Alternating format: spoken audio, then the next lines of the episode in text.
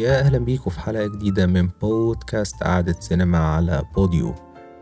النهاردة لما فكرت نتكلم قلت نتكلم على واحد من أكتر الأفلام المهمة اللي عملت يعني ضجة في التاريخ.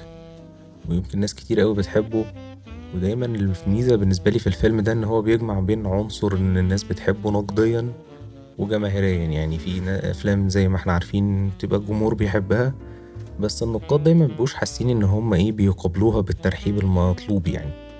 بس فيلمنا النهارده هو فيلم Pulp Fiction إنتاج 94 إخراج كوينتين تارانتينو أكيد يعني واحد من الأفلام اللي الناس تقريبا أجمعت عليها.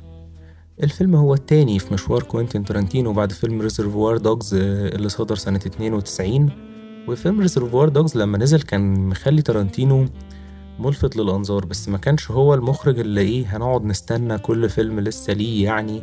وهو فيلم مهم جدا على المستوى الإنتاجي تحديدا وده ممكن نتكلم فيه في حلقة تانية.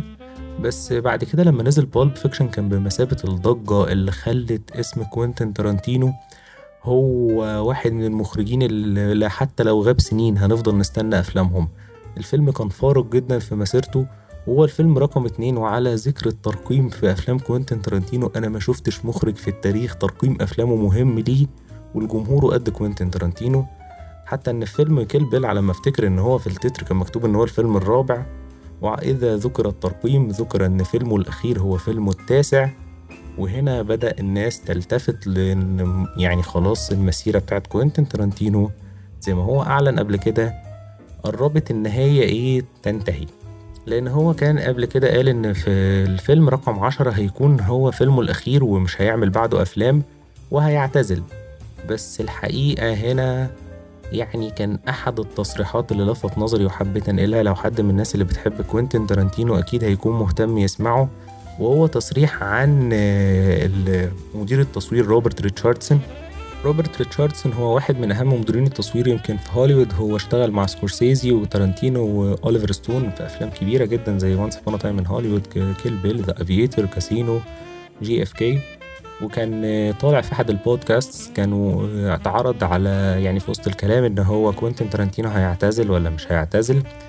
فالحقيقة كان هو رده إن هو مش مقتنع أوي بفكرة إن كوينتين تارانتينو هيعتزل بس هو قد يتجه اتجاهين. الأول إن هو يكتب كتب عن السينما وأنا الحقيقة إن الاتجاه ده مش مرجحه أوي يعني. والتاني هو ال... يعني الاحتمال الأكثر ترجيحا بالنسبة لي وهو إن هو هيعمل مسلسلات فقط. لما جيت أفكر في الموضوع لقيت إن هو أقرب حاجة للواقع لسببين. الحقيقة إن بعد نزول Once Upon a Time in Hollywood اتقال إن هو نتفليكس يعني بسبب علاقته الجيدة مع ال executives بتوعها. هو هيفكر ليه إن هو ما يعملش نسخة زي ما تكون أكبر شوية من الفيلم وتتقسم على مسلسل مثلا حلقات قليلة مثلا أربع خمس حلقات حاجة في ال range ده. بس الموضوع لم يرى النور أكيد لأن كلنا ما سمعناش حاجة بعد كده عن الموضوع ده. فالراجل يعني في دماغه قوي مفاوضات المسلسلات وكده وبعدين برضو في Inglourious Basterds لما جم يعملوا الفيلم عملوا معاه interview قال لهم إن أول draft يعني جاهز للتنفيذ طلع كان هيحتاج تصوير 12 ساعة. فأنا حاسس إن كوينتين تارانتينو دايما من الناس اللي هم عندهم أفلامهم مش قصيرة. بيهتم جدا بفكرة تقسيم الفصول. سيناريوهاته في الأول بتبقى كبيرة فدي ممكن توضح لنا إن يعني إحنا قدام واحد عنده يعني concept صناعه المسلسلات بيدور في دماغه. وغير كده كمان هتلاقوا إن دي هتكون أفضل له أعتقد لأن خصوصا إن في ناس كتير بيشتكوا من تحكمات الاستوديوهات في هوليوود وكده فأعتقد دي هتديله حرية في السرد وفي الإنتاج وفي حاجات كتير. ونتفليكس يعني أو حتى لو HBO أي streaming service يعني هتتعاون مع تارانتينو دي هتكون نقطة كبيرة جدا في تاريخهم. ف hopefully إن هو ما يعتزلش فعلا وان يعني نشوف شغل تاني لكوينتين تارانتينو نرجع لفيلمنا وهو رقم اتنين زي ما قلت في مسيرة كوينتين تارانتينو وهو تأليف كوينتين تارانتينو برضو وروجر إيفري. وبطولة ناس كتير جدا جون ترافولتا في دور فينسنت فيجا طبعا سامويل إل جاكسون في دور جولز بروس ويلز في دور الملاكم بوتش وأوما ثورمان في دور ميا والاس زوجة رئيس العصابة مارسيلوس والاس وتيم راث واللي هو عمل دور Pumpkin وأماندا بلامر في دور ال Honey Bunny ليه قلت فريق البطولة ده؟ فريق البطولة لما قلته بالكمية دي أنا مش متعود إن أنا أقول ال cast كبير ده بس إن ال story الكبيرة جدا اللي عملها كوينتين تارانتينو خلتني لازم أقول الأشخاص دول لأن هنتكلم عنهم والفيلم خلينا نفتكر قصته. قصة الفيلم بتدور عن عالم ارتبط داخله ثلاث قصص. خلينا نفتكر كلهم قصة قصة كده.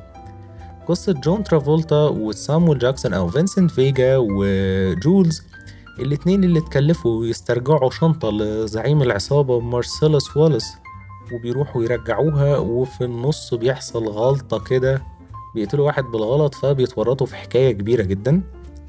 القصة التانية إن مارسيلوس واليس بيطلب من فينسنت فيجا إن هو يخرج مع مراته ويخرجها لأن هو مش فاضي ويروحوا يتعشوا مع بعض. وزي ما بيقول كوينتين تارانتينو القاعدة الرئيسية هي don't touch فبيتفاعلوا مع بعض يعني وهي هي بتشرب dose مخدرات كبيرة بتاخد dose كبيرة من الهيروين اللي هو كان في جيبه وبتقع وبعدين بينقذها. وبعد كده بنرجع تاني نشوف قصة الملاكم بوتش اللي هو بروس ويلس اللي بيطلب منه مارسيلوس واليس إن هو يعمل إن هو يخسر الرهان يعني ماتشات الملاكمة في أمريكا بيبقى فيها رهانات فهو يخسر لصالح خصمه والخصم ده هيبقى يعني لعبة المراهنات هي اللي هتحسم القصة دي وبعد ما يخسر هياخد فلوس وطبعا بيديها له بشكل مهين جدا وهو عنده روح قتالية كبيرة جدا فبيفضل يلعب مع خصمه في الحلبة لحد ما بيموته.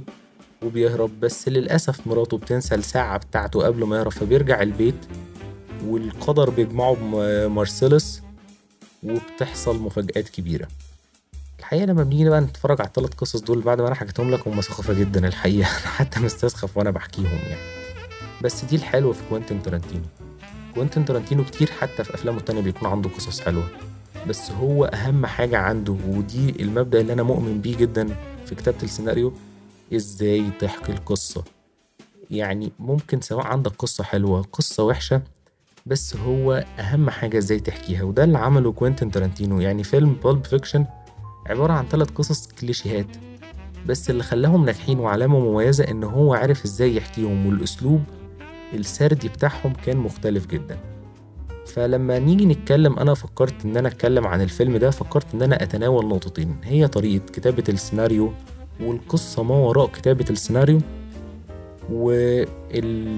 والشخصيات الممثلين وأدائهم لأن زي ما أنا ذكرت إن الفيلم نقلة كبيرة جدا. الفيلم تكلفته كانت 8 مليون دولار 5 مليون منهم أجور ويعني الفيلم إنتاجه الفعلي بره الأجور تقريبا 3 مليون دولار وحقق فوق ال 220 مليون دولار. وحاز سبع ترشيحات للأوسكار هم أفضل ممثل رئيسي لترافولتا أفضل ممثل مساعد لجاكسون أفضل ممثلة مساع... مساعدة sorry لأوما ثورمان أفضل مخرج لتارانتينو أفضل مونتاج وحصد جايزة أفضل سيناريو أصلي. فكل الترشيحات دي بتدل إن الفيلم كان نقلة كبيرة جدا. يمكن حتى لما اتعرض في كان واخد السعفة الذهبية كان ضجة كبيرة جدا. فخلينا ننتقل ونتكلم عن السيناريو.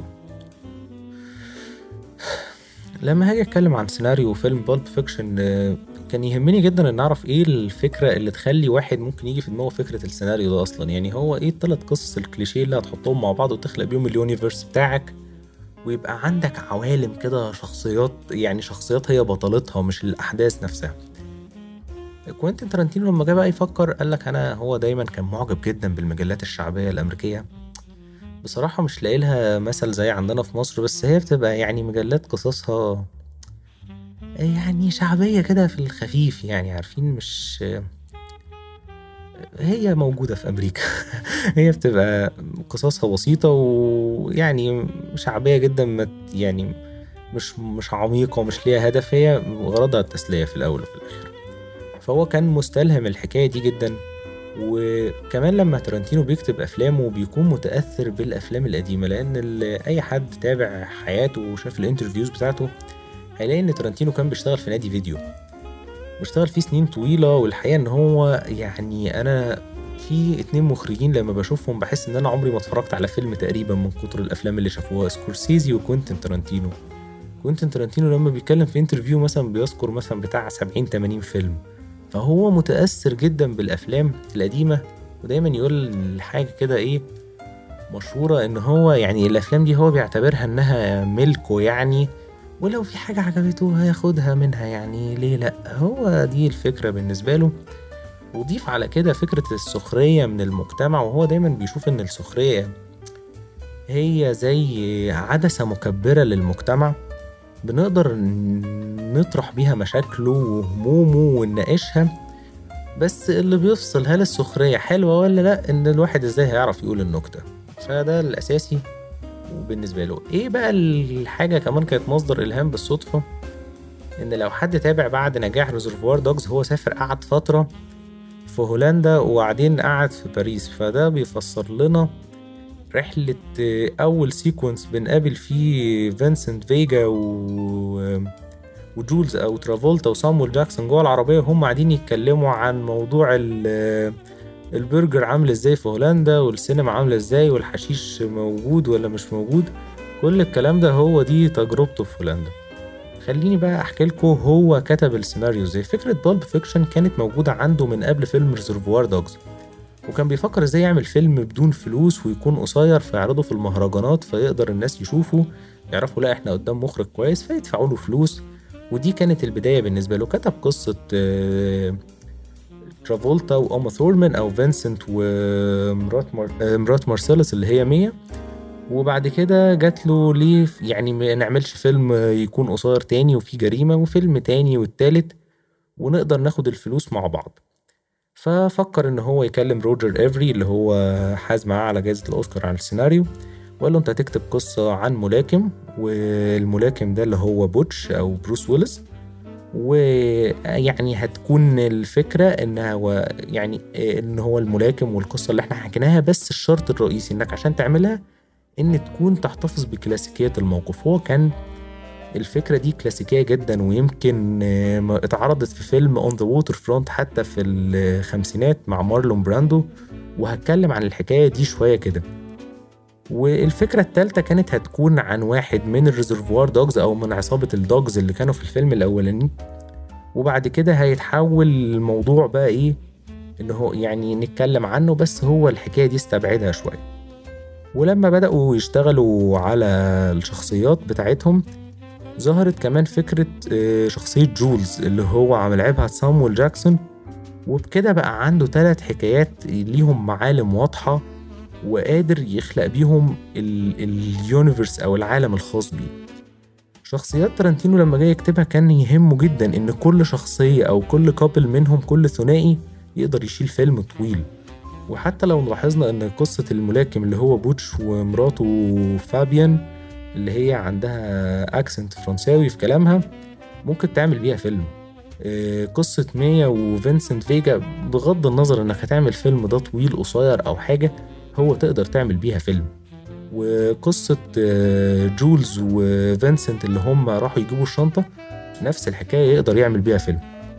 في نفس الوقت وهو بيكتب كان هو على علاقة طبعا بتيم روث اللي هو عمل دور ال Pumpkin وكان أماندا بلامر ال Honey Bunny هم كلهم أصحاب.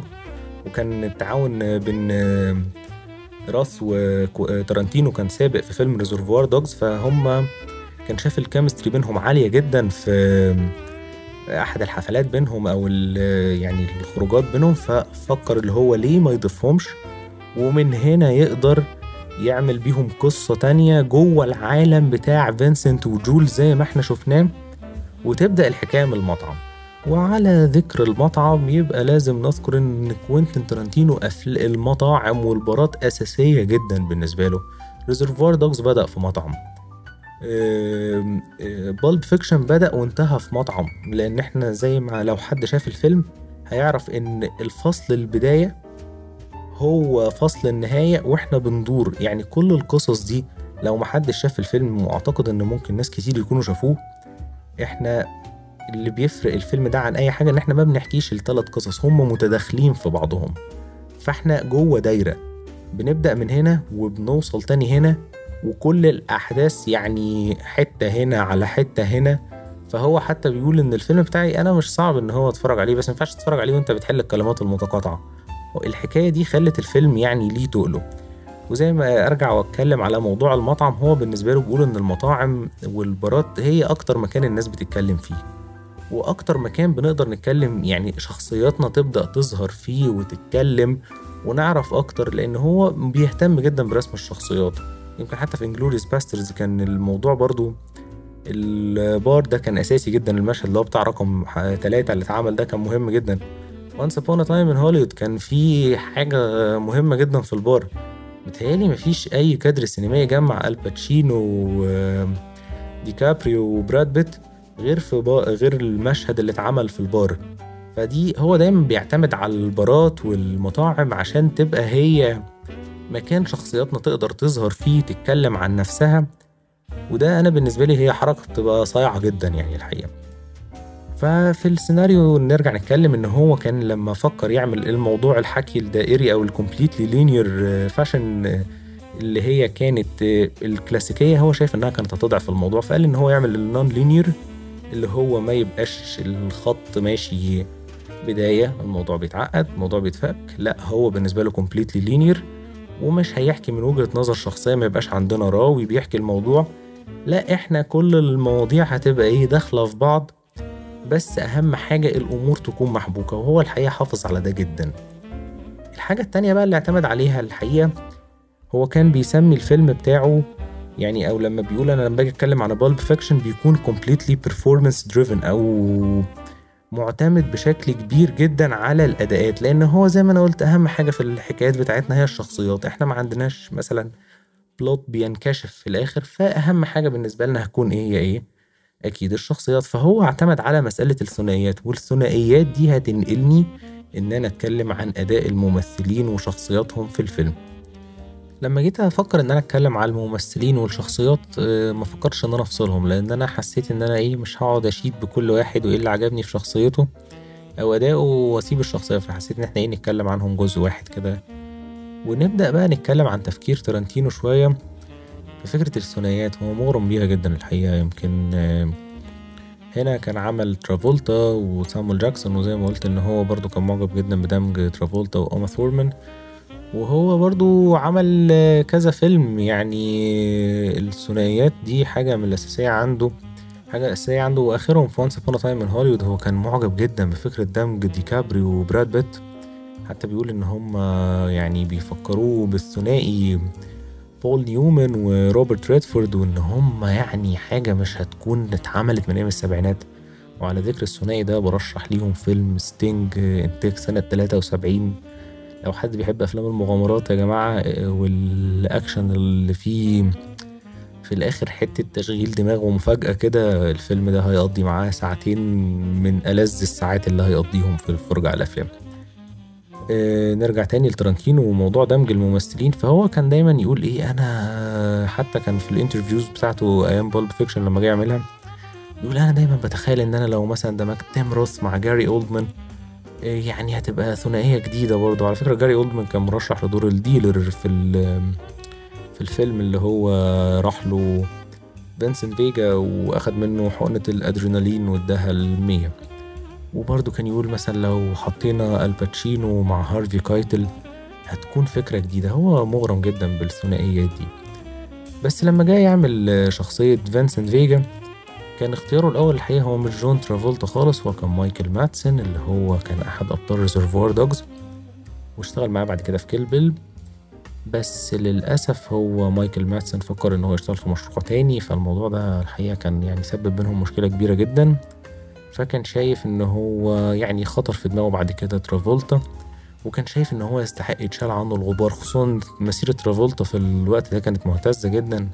حتى يمكن إن هو أخد يعني أجر ضعيف جدا. يمكن أخد أقل من ميت من 200 ألف دولار تقريبا يعني مقارنة بأجر بروس ويلس اللي أنا يعني على ما أتذكر إن هو يمكن تعدى الاتنين أو تلاتة مليون دولار. أنا مش متأكد من الأرقام الحقيقة بس يعني الفرق بينهم كان شاسع. يعني ترافولتا يعني تم إحياء مسيرته في الفيلم ده حرفيا خاصة مع ترشيحه للأوسكار.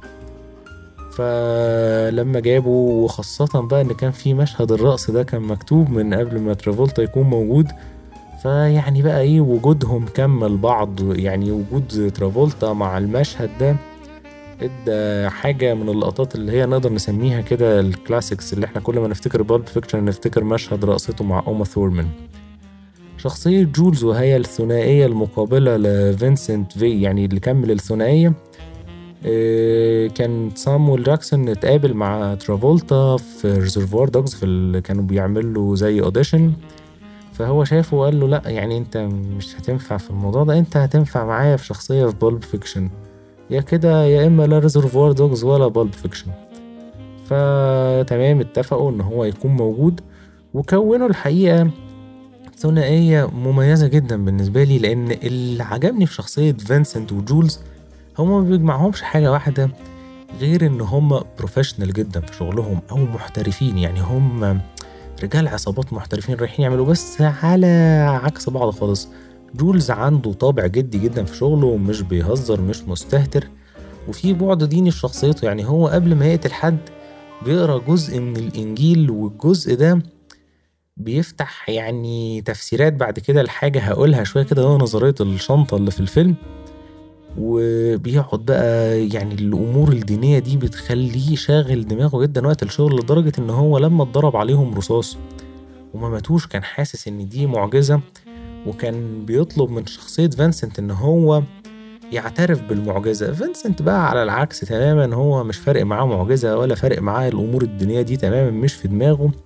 هو بيتعامل يعني باللطافة كده في الموضوع. يعني هو آه إحنا بنعمل شغلنا بس نهزر تمام ومفيش. ممكن هو رايح يعمل مهمته إن هو هيخرج مع ميا والاس آه تمام بيتعاطى المخدرات وتمام يبقى مسقط تمام. الموضوع بيبقى مش مظبوط معاه. ويمكن بعض الناس اللي بتحب ت analyze بزيادة كانوا شايفين إن جولز هو اللي عايش بسبب تمسكه بالأخلاقيات وكده ويمكن فينسنت استهتاره ويعني عدم اكتراثه بالأمور ده هو اللي خلاه اتقتل.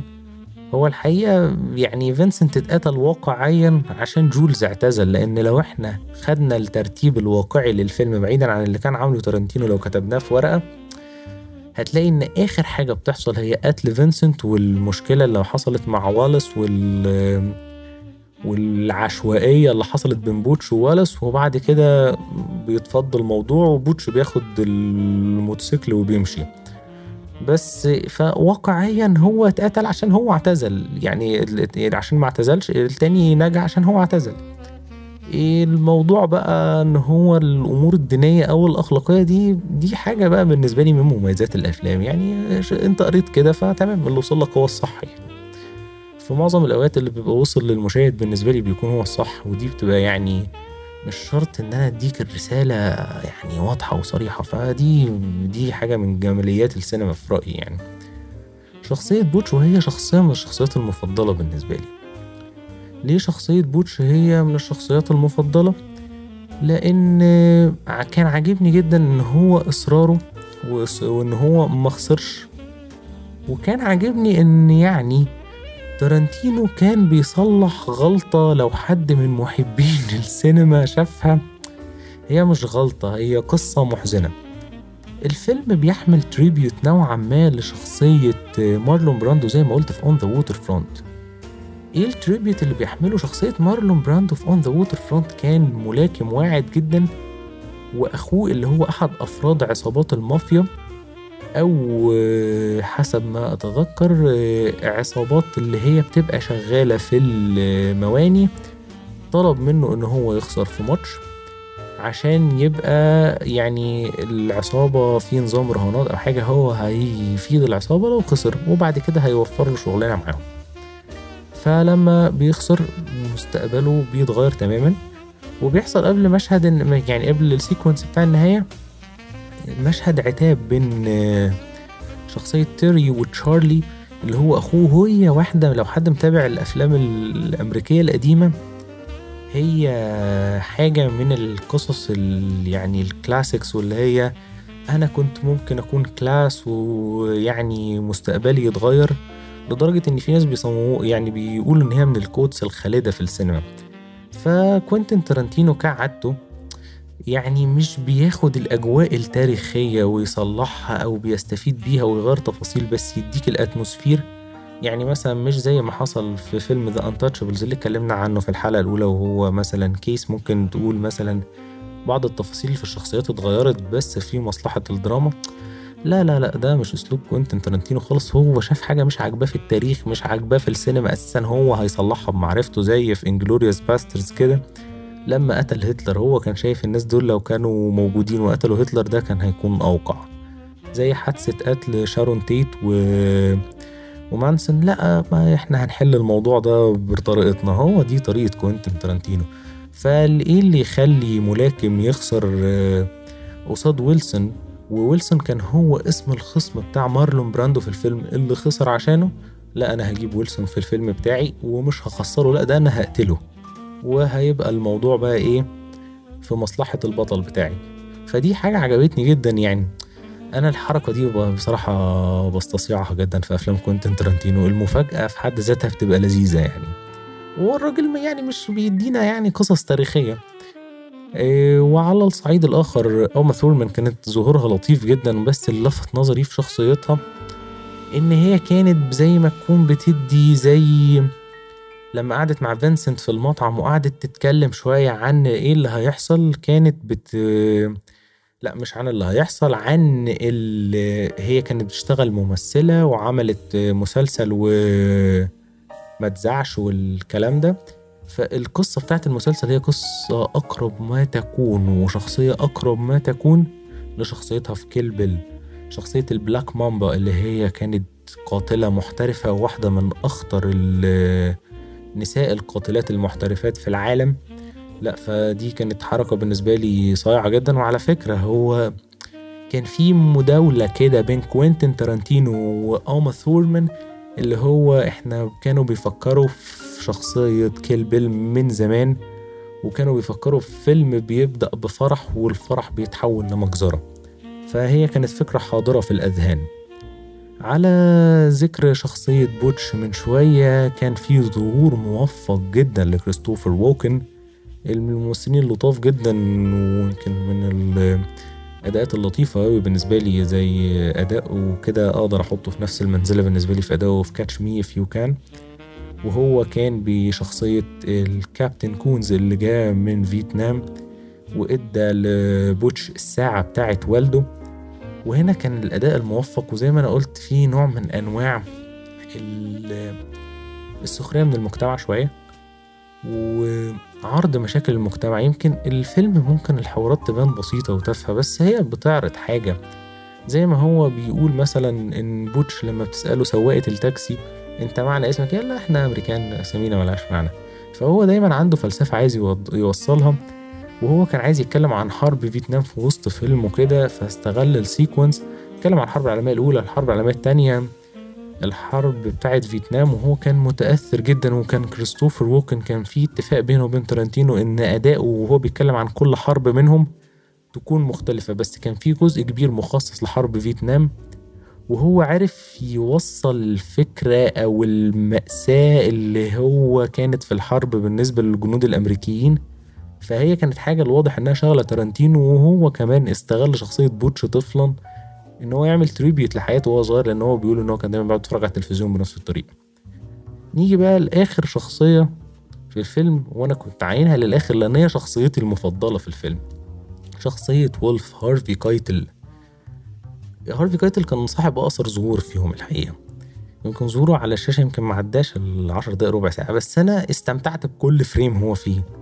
من أول ما اتصلوا بيه وقالوا له إحنا عندنا مشكلة وعندنا جثه عايزين نتخلص منها لدرجة مرة بعد كده لما راح فتح له الباب وقابل جيمي اللي هو كان عامل شخصيته كوينتين ترنتينو في نفسه وقال له أنا وولف بحل مشاكل. كان كان أداؤه بالنسبة لي لطيف جدا وكنت معجب بيه الحقيقة. وكان أداؤه إدى كمان مع العبثيه بتاعة الموقف بعد كوميدي ظريف جدا. وعلى ذكر إن كوينتين تارانتينو كان موجود في الفيلم كان في انتقادات كبيرة جدا لشخصية كوينتين تارانتينو لأن هو كان يعني عامل شخصية الراجل اللي بس بيهربوا عنده ما بين جثة فينسنت وجولز وبيطلبوا وولف يحل لهم مشكلتهم. ف هو كان بيبقى قلقان جدا من مراته تيجي تلاقي البيت مش نظيف بس هو مش قلقان من الجثة خالص.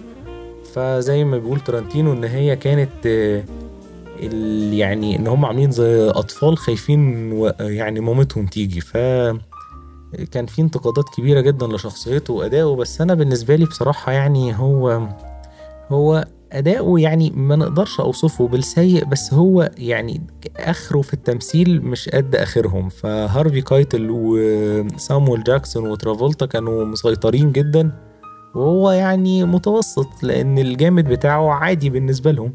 فده اللي خلى إمكانياته تبان أقل. فزي ما أنا قلت إن الشخصيات هي زي ما ترنتينو وضح كمان إن هي هي الأساس اللي شالت قصة فيلم بالحجم ده وقدرت توصل لنجاح كبير جدا ولحد النهارده لسه بتحلل للناس في الفيلم وبيقعدوا يعملوا videos ويقولوا لأ إيه ده معناه إيه؟ والفلسفة بتاعه تارانتينو إيه؟ لدرجة إن في حاجة لسه لحد النهارده الناس بتقعد تتناقش فيها هي الشنطة اللي رجعوها لمارسيلس. الشنطة اللي رجعوها لمارسيلس الحقيقة لو حد عايز يعرف هي كان فيها إيه من الآخر هي كان فيها لمبة فهو ده اللي بينور في وش الناس ده اللي قاله سامويل جاكسون. بس لما سألوا تارنتينو الشنطة فيها إيه قال لهم فيها اللي نفسك فيه. يعني أنت متخيل إن فيها ذهب وفلوس okay. أنت متخيل إن فيها إيه ده حاجة ترجع لك بس هي فيها حاجة في ما في يعني في نطاق الأمنية أو الحلم. إن شخصيات أبطالنا دايما لما كانت بتفتح الشنطة كانت بتنبهر جدا. بس طبعا الناس ما سكتتش وطلعت شوية نظريات غريبة حبيت كده إيه أطرحها عليكم في السريع كده. أول حاجة هي شخ... يعني في وجهة نظر دينية يعني أنا مش مقتنع بيها بس قلت أقولها إن الشنطة فيها روح مرسيلس. واللي ساعد في الحكاية دي قوي إن حاجتين. أول حاجة الطابع الديني لشخصية سامويل جاكسون والأجزاء اللي بيقرأها من الإنجيل فدي حسست الناس إن هم رايحين يجيبوا شخصية مرسيلس يجيبوا روح مارسيلس والممثل اللي عمل شخصية مارسيلس نفسه كان فيه تعويرة في قفاه يعني فهو الراجل كان بيحلق عادي يعني ده اللي كتب فتعور فحط بلاستر فتارانتينو كعادته يعني حب يشوف إيه أغرب حاجة في الموضوع وهو بيصوره من قفاه نص الفيلم الأولاني. فالناس قال لك لا هو موضوع إن هو التعويرة دي. فدي كانت اللي خرجت منها روحه واتحطت في الشنطة وهم راحوا يستردوها. بس هي نظرية الحقيقة ملهاش أي أدلة يعني. واحد يقول إن رقم التلات ستات ده رقم الشيطان ويعني الناس راحت لبعيد أوي في الموضوع. وهو الموضوع ما يستاهلش كل ده يا جماعة يعني. الموضوع أبسط من كده. والله كبرتوا الموضوع يا شباب يعني. الحكاية التانية إن هي بيتقال إن هي نوع من ال tribute لفيلم اتعمل سنة خمسة وخمسين اسمه Kiss Me Deadly والفيلم كان فيه شنطة بتتفتح وبتنور في وش الناس فده قد يكون الموضوع. وبالمناسبة على فكرة النظرية الدينية دي أحد الإشاعات اللي غذتها برضو إن كان في حد قال إن كان ترنتينو متقل في الشرب في حاجة لواحد صاحبه الحكاية دي بس دي برضو كلها إشاعات فإحنا مش عارفين لا Kiss Me Deadly ولا دي وهو قال برضو في Kiss Me Deadly إن هي الموضوع مش ما كانش في دماغه يعني أو ما كانش حاضر في ذهنه. وفي حاجة أخيرة وهي نظرية يعني لطيفة بالنسبة لي إن دي شنطة المجوهرات اللي كانت في Reservoir Dogs. هي مش شبهها وملهاش علاقة بالفيلم بس ممكن نعتبرها tribute بس هي مش الشنطة بس تمام. وهو في الفيلم في tribute الحقيقة برضه ال Reservoir Dogs البدل اللي كانوا لابسينها على طول جولز وفينسنت فيجا. فدي حسيتها انها tribute ف يعني أي حاجة. أنا بالنسبة لي الشنطة فيها اللي تتخيله. يعني زي ما قال ترنتينو فيها دهب فيها حاجة حلوة.